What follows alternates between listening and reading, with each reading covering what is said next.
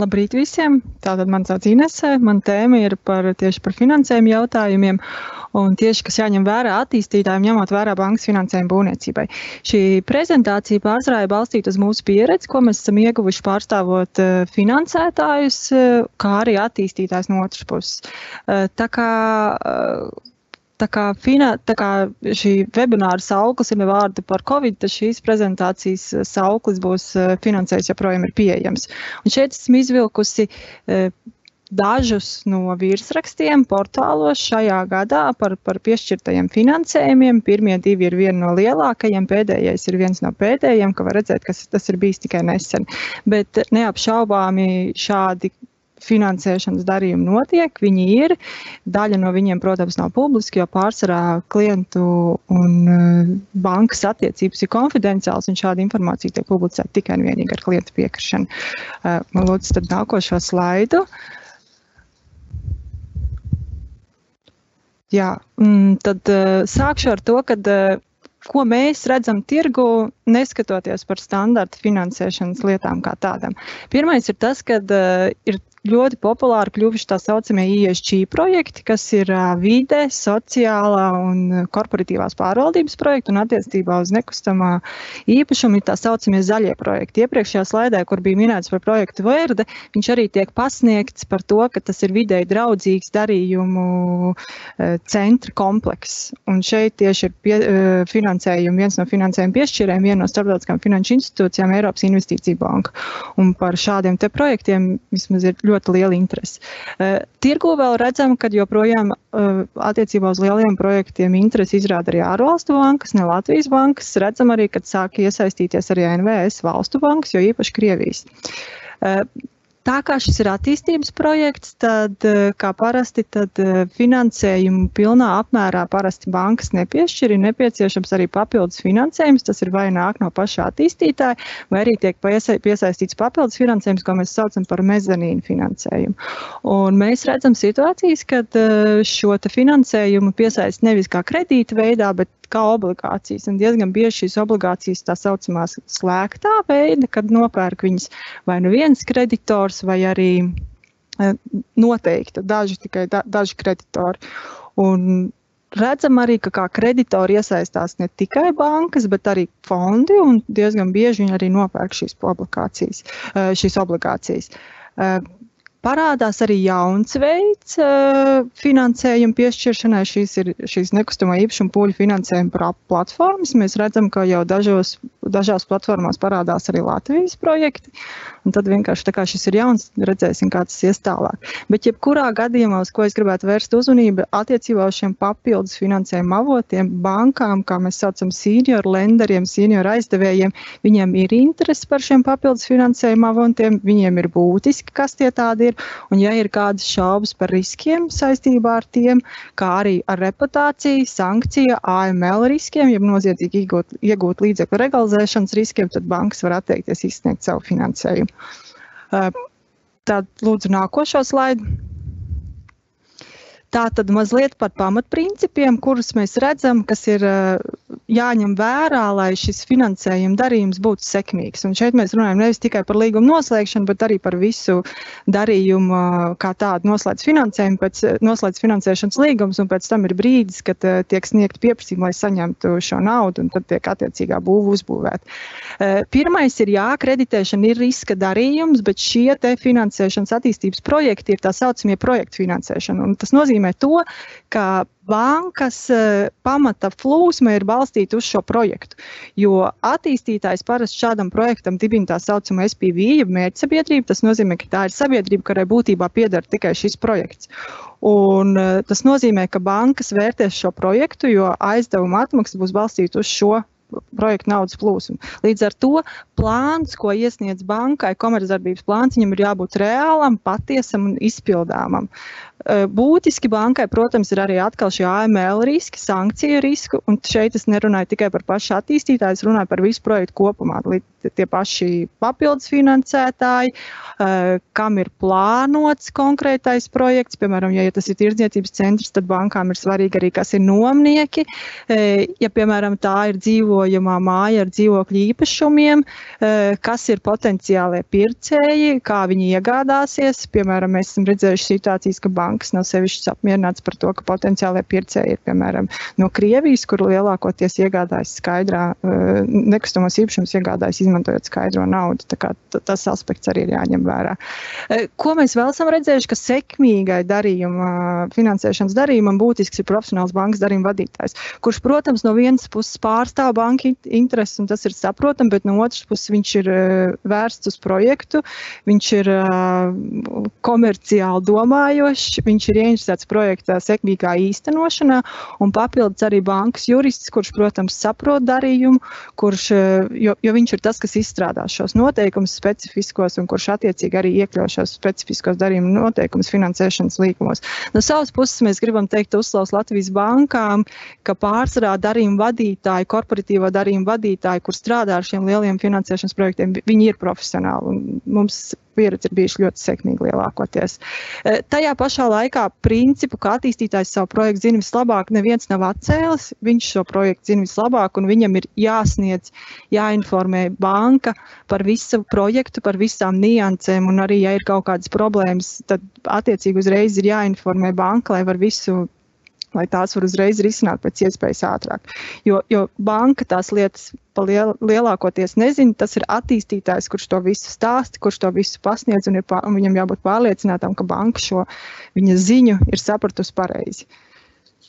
Tā, tad lūdzu nākošo slaidu. Tagad mazliet par pamatprincipiem, kas ir juridiski. Šeit, eh, kas ir galvenais, jāvērtē, ka finansēšanas līgums nav atrauts no visiem pārējiem būvniecības projektu līgumiem. Un pirmais, protams, tas ir būvniecības līgums. Bankai, protams, interesē arī, kas ir būvnieks. Viņa nevēlēs, viņ, viņas interesi ir, ka būvnieks ir ar labu reputāciju, ka viņš izpildīs, ka viņš īstenos projektu, uzbūvēs tā, kā tas tam, tam ir jābūt. Uh, šeit ir tas jāņem vērā arī tas, ko Jorans stāstīja par būvniecības nodrošinājumiem, kur, piemēram, ir šās pats garantijas un apdrošināšana, kur bankām ir interese, ka viņas galu galā ir tās, kas saņems to naudu, piemēram, no garantijas vai apdrošināšanas. Un, kad šajā situācijā, piemēram, ja tie ir ICC noteikumi, par kuriem Jorans runāja, tad šeit ir jāņem vērā to, ka ICC noteikumos ir runāts, ka garantijas, ja viņas tiek nocitētas, tad ir nepieciešams garantijas devēja piekrišana kas ir mazliet savādāk nekā mūsu civilikumā noteiktā cesija. Līdz ar to, ja tas jau tiek paredzēts būvniecības līgumā, paredzot, ka bankai būs interese par šīm garantijām, tad pēc tam tālāk nav, ir, ir, ir vairs nav nepieciešams iet atkārtot pie būvnieka, kurš, atkārtot, kurš kuram pēc tam ir jāiet pie savas bankas, un tad ir jāņem, jāsaņem piekrišana vai vēl jāmaina garantija. Arī par apdrošināšanu lietas ir jāizrunā, jo, piemēram, tā visu risku apdrošināšana, construction all risks, arī būvniekam ir interesi par šo apdrošināšanu, arī bankai ir interesi par šo apdrošināšanu. Tad ir jautājums, kurš saņem šo atlīdzību un, un pie kādiem nosacījumiem. Būtiski ir arī bankām interesi arī par nomniekiem. Viņiem ir interesi būt, redzēt, kāda ir nomas līguma pro, projekti, lielo, noslēgtie nomas līguma lieliem nomniekiem. Viņiem, lai, lai, lai nomas līgumos noteiktie noteikumi kaut kādā veidā neapdraudētu bankas pozīcijas, viņu nodrošinājums. Piemēram, viņiem ir piemēram, būtiski, viņi vērtē, piemēram, kas ir tie paši servitūti, kādi tie ir. Viņi vērtē arī, piemēram, vai kādas nomas līgumus tad var ierakstīt zemes grāmatā, jo standartā, piemēram, mazus nomniekus bankas nekad nepiekritīs, ka viņi tiek ierakstīti zemes grāmatā. Tas pats, piemēram, arī runājot par pircējiem, ja tie ir dzīvojamās mājas, kādas tad ir tie pirkuma līguma noteikumi, lai viņi, kādā, nu, lai viņi neapdraudētu bankas intereses. Uh, Parasti šie, protams, attīstības projekti ir lieli, viņi ir par lielām naudas summām, un tāpēc bankas, lai mazinātu savus riskus, vairāk, diezgan bieži vienu aizdevumu izsniedz vairākas bankas. Tas ir vai nu sindikāts pie lielākiem, mazākiem, mēs viņus saucam par klublauniem, ka būtībā ir vairākas bankas, kas izsniedz vienu aizdevumu, katrai bankai ir sava aizdevuma daļa, bet diezgan bieži ir tā, ka, ja ir viens aizdevums un apakšā ir vairākas bankas, tad viena ir tā saucamā aģenta banka, kas ir tā koordinējošā banka, kas uh, nodrošina šo saziņu aizņēmēju. Tomēr, jebkurā gadījumā, piemēram, ja ir kaut kāda līguma grozījuma, tas nenozīmē, ka pietiek tikai un vienīgi ar aģenta bankas uh, piekrišanu. Ja vien nav pilnvaru, bet mēs parasti šādas pilnvaras nav, tad ir nepieciešama paraksts no visām iesaistītajām bankām. Ko tas nozīmē praktiski? Tas praktiski nozīmē to, ka uh, bankas katra par sevi, viņai katrai ir sava prakse, katrai ir sava, kā viņi strādā, jo īpaši tas ir uh, būtiski, ja ir iesaistīta, piemēram, ārvalstu banka, kā viena no bankām, līdz ar to viņām pašām vajag mazliet vairāk laika, lai vienotos par vienotu pozīciju uh, attiecībās kaut kādiem noteiktiem punktiem. Līdz ar to tas varētu, šādas līguma sarunas varētu prasīt vairāk laika.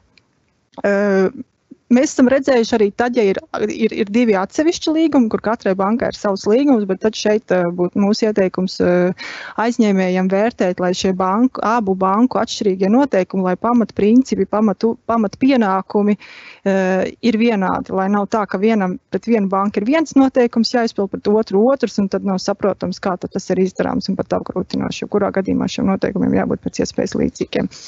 Lūdzu, nākošo slaidu. Jā, šeit es esmu mm, iekļāvusi ļoti nesenu augstākās tiesas senāta nolēmumu atziņu. Tas ir saistīts ar to, ka mūsu līgumu sarunās diezgan bieži dzirdētas pozīcija, kad um, nu, mēs jau šo līgumu, ir, ir līguma punkts, un tad teiksim, mēs šo līgumu nepiemērosim, jo mēs jau rīkosimies saprātīgi, viss būs kārtībā un, un vienkārši parakstiet līgumu. Mēs no šīs pozīcijas, no šādas argumentācijas ierosināt pēc iespējas eh, mazāk izvairīties, lai nav tādas šādas argumentācijas, jo senāts ir, šis ir senāta nolēmums, kurš ir tieši pateicis, ka pusi noslēgušas līgumu, viņas ir uzņēmušās noteikts līguma noteikums, noteikts um, pienākums, un par kaut kādiem kļūdainām spekulācijām, kas bijis iepriekš, par kaut kādiem kļūdainiem pieņemiem, tie nav ņemami vērā. Un līdz ar to šajās situācijās, piemēram, pusēm var vienu, varbūt sava, katrai savādāk izpratni, ko nozīmē rīkoties saprātīgi, un ja, piemēram, tālāk strīds ir par to, tad šajā situācijā, mūsuprāt, iet uz prasību tiesā un argumentēt, ka, piemēram, viena no pusēm ir rīkojusies rīkojasies pretēji labai ticībai, tas nebūs vairs iespējams. Tad šāda vienkārši šāda prasība tiks noraidīta. Lūdzu, nākošo slaidu.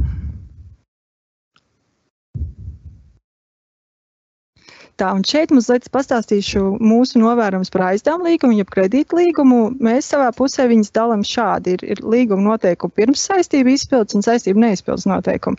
Līguma noteikumi pirms, pirms saistību neizpildes tie ir, piemēram, noteikumi, kas ir jāizpild līguma darbības laikā. Uh, šie noteikumi, ja viņi, piemēram, viņi parasti ir standarta, šos noteikumus mēs ieteiktu izlasīt, izvērtēt, uh, un ja viņi ir, piemēram, pretrunā konkrētajam projektam vai viņi ir jāpārāk jāparedz mazliet savādāk, vai tur ir jāparedz vēl kaut kas papildus. Tad, nu, tad mēs no savas puses ieteiktu šo izrunāt visu ar banku. Parasti mēs esam redzējuši, ka bankas ir saprotošas, viņas saprot konkrēto situāciju un ir veikti nepieciešamie grozījumi. Savukārt, otra, kas ir saistība neizpildes noteikumi, tie būtībā ir saistība neizpildes gadījumi. Tās ir, tās ir situācijas, kad jā, jāsāk realizēt ķīlas. Šeit šos noteikumus viņus var precizēt, kaut kādā mērā, bet bankas parasti no tiem šiem noteikumiem neatkāpjas. Tie ir noteikti, tie, tās ir viņas saucamās sarkanās līnijas. Uh, Jo, tas ir arī saprotams, jo šī ir situācija, kad jau sākas saistību neizpildu un bankas pozīcijām šajā situācijā ir jābūt pēc ļoti stingrām, spēcīgām, lai tad, ja ir saistību neizpildu, viņi pēc iespējas ātrāk varētu pārņemt, iz, izlietot konkrētos nodrošinājumus. Attīstības projektos pārsvarā ir tā, ka tiek noslēgts aizdevuma līgums, un tad ir diezgan liela virkne ar priekšnosacījumu, lai saņemtu aizdevumus. Līdz ar to diezgan bieži ir tā, ka tad, kad aizņēmējs jau iesniedz pieprasījumu, lai saņemtu kredītu, tas ir pagājis pietiekoši ilgs laiks. Līdz ar to mēs no savas puses iesakām jau slēdzot aizdevumu līgumu, izvērtēt šos priekšnosacījumus, lai viņi pēc iespējas skaidrāk visām pusēm saprotam, lai nerodas nekādas neskaidrības. Jo tad, kad tiks sniegts priekšno, tiks iesniegt šie, šie prie, kad tiks notiks šī priekšnosacījuma izpilde, lai visiem ir skaidrs, ka tas ir izpildīts. Jo īpaši tas, piemēram, ir saistībā piemēram, ar, ar, ar, ar to, ka piemēram, bankas finansē uh, pret būvnieku rēķiniem, un tad ir banku prasība, kam ir jābūt izpildītām. Šeit ir ļoti būtiski pārbaudīt būvniecības līgumu, vai banku prasības par konkrētiem dokumentiem ir atbilstoši būvniecības līgumiem. Līdz ar to, vai tas, ko bankas prasa, ir praktiski reāli izpildāms. Uh, no savas puses eh, iesakām arī apskatīt aizņēmēju pienākumus, kas parasti ir kredītlīgumos sākumā standartā.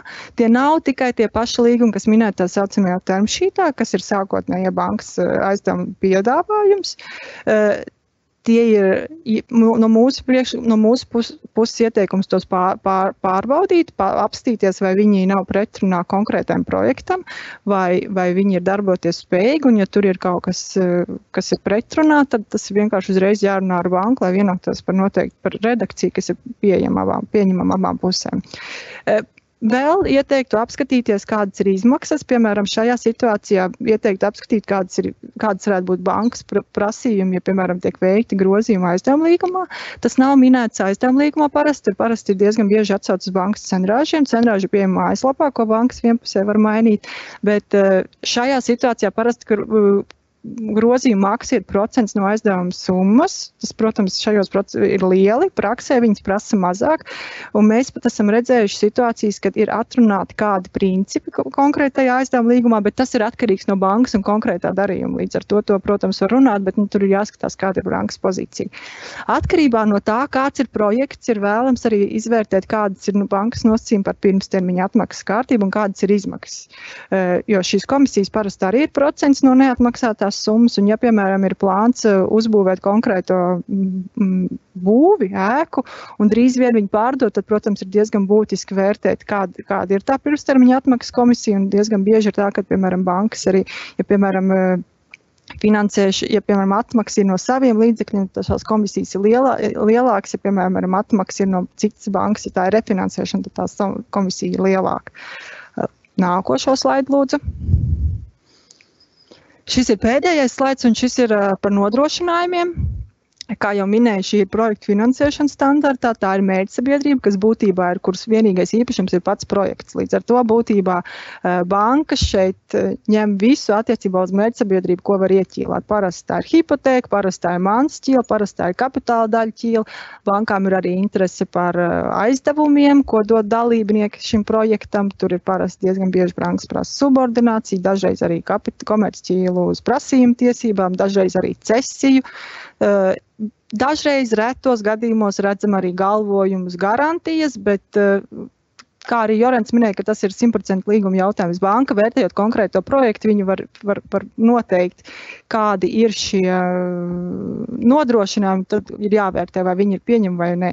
Jā, papildus vēl pie, pie šīs ieķīlāšanas, protams, parasti ir arī uh, finanšu ķīlas bankas kontiem, kur tas arī ir viens no pamatnodrošinājumiem. No savas puses, attiecībā uz nodrošinājumu līgumiem, es ieteiktu pievērst uzmanību pienākumiem nodrošinājumu līgumos, jo parasti ir dzirdēts komentārs, kas tad tur ir tajos nodrošinājumu līgumos. Tur jau nekas nav. Mēs tur noreģistrējam, uzliekam ķīlu, pasakām, kā reģistrēt ķīlu un kad viņi, kā viņi tiks izlietot. Īsti tā tas nav. Šajos nodrošinājumu līgumos ir arī pienākumi noteikti konkrētam nodrošinājumu devējiem. Jo īpaši tad ieteiktu ap, at, apskatīties attiecībā uz nodrošinājumu devējiem, kas ir citas personas neaizņēmējs, piemēram, kapitāla daļu ķīlām dalībnieki.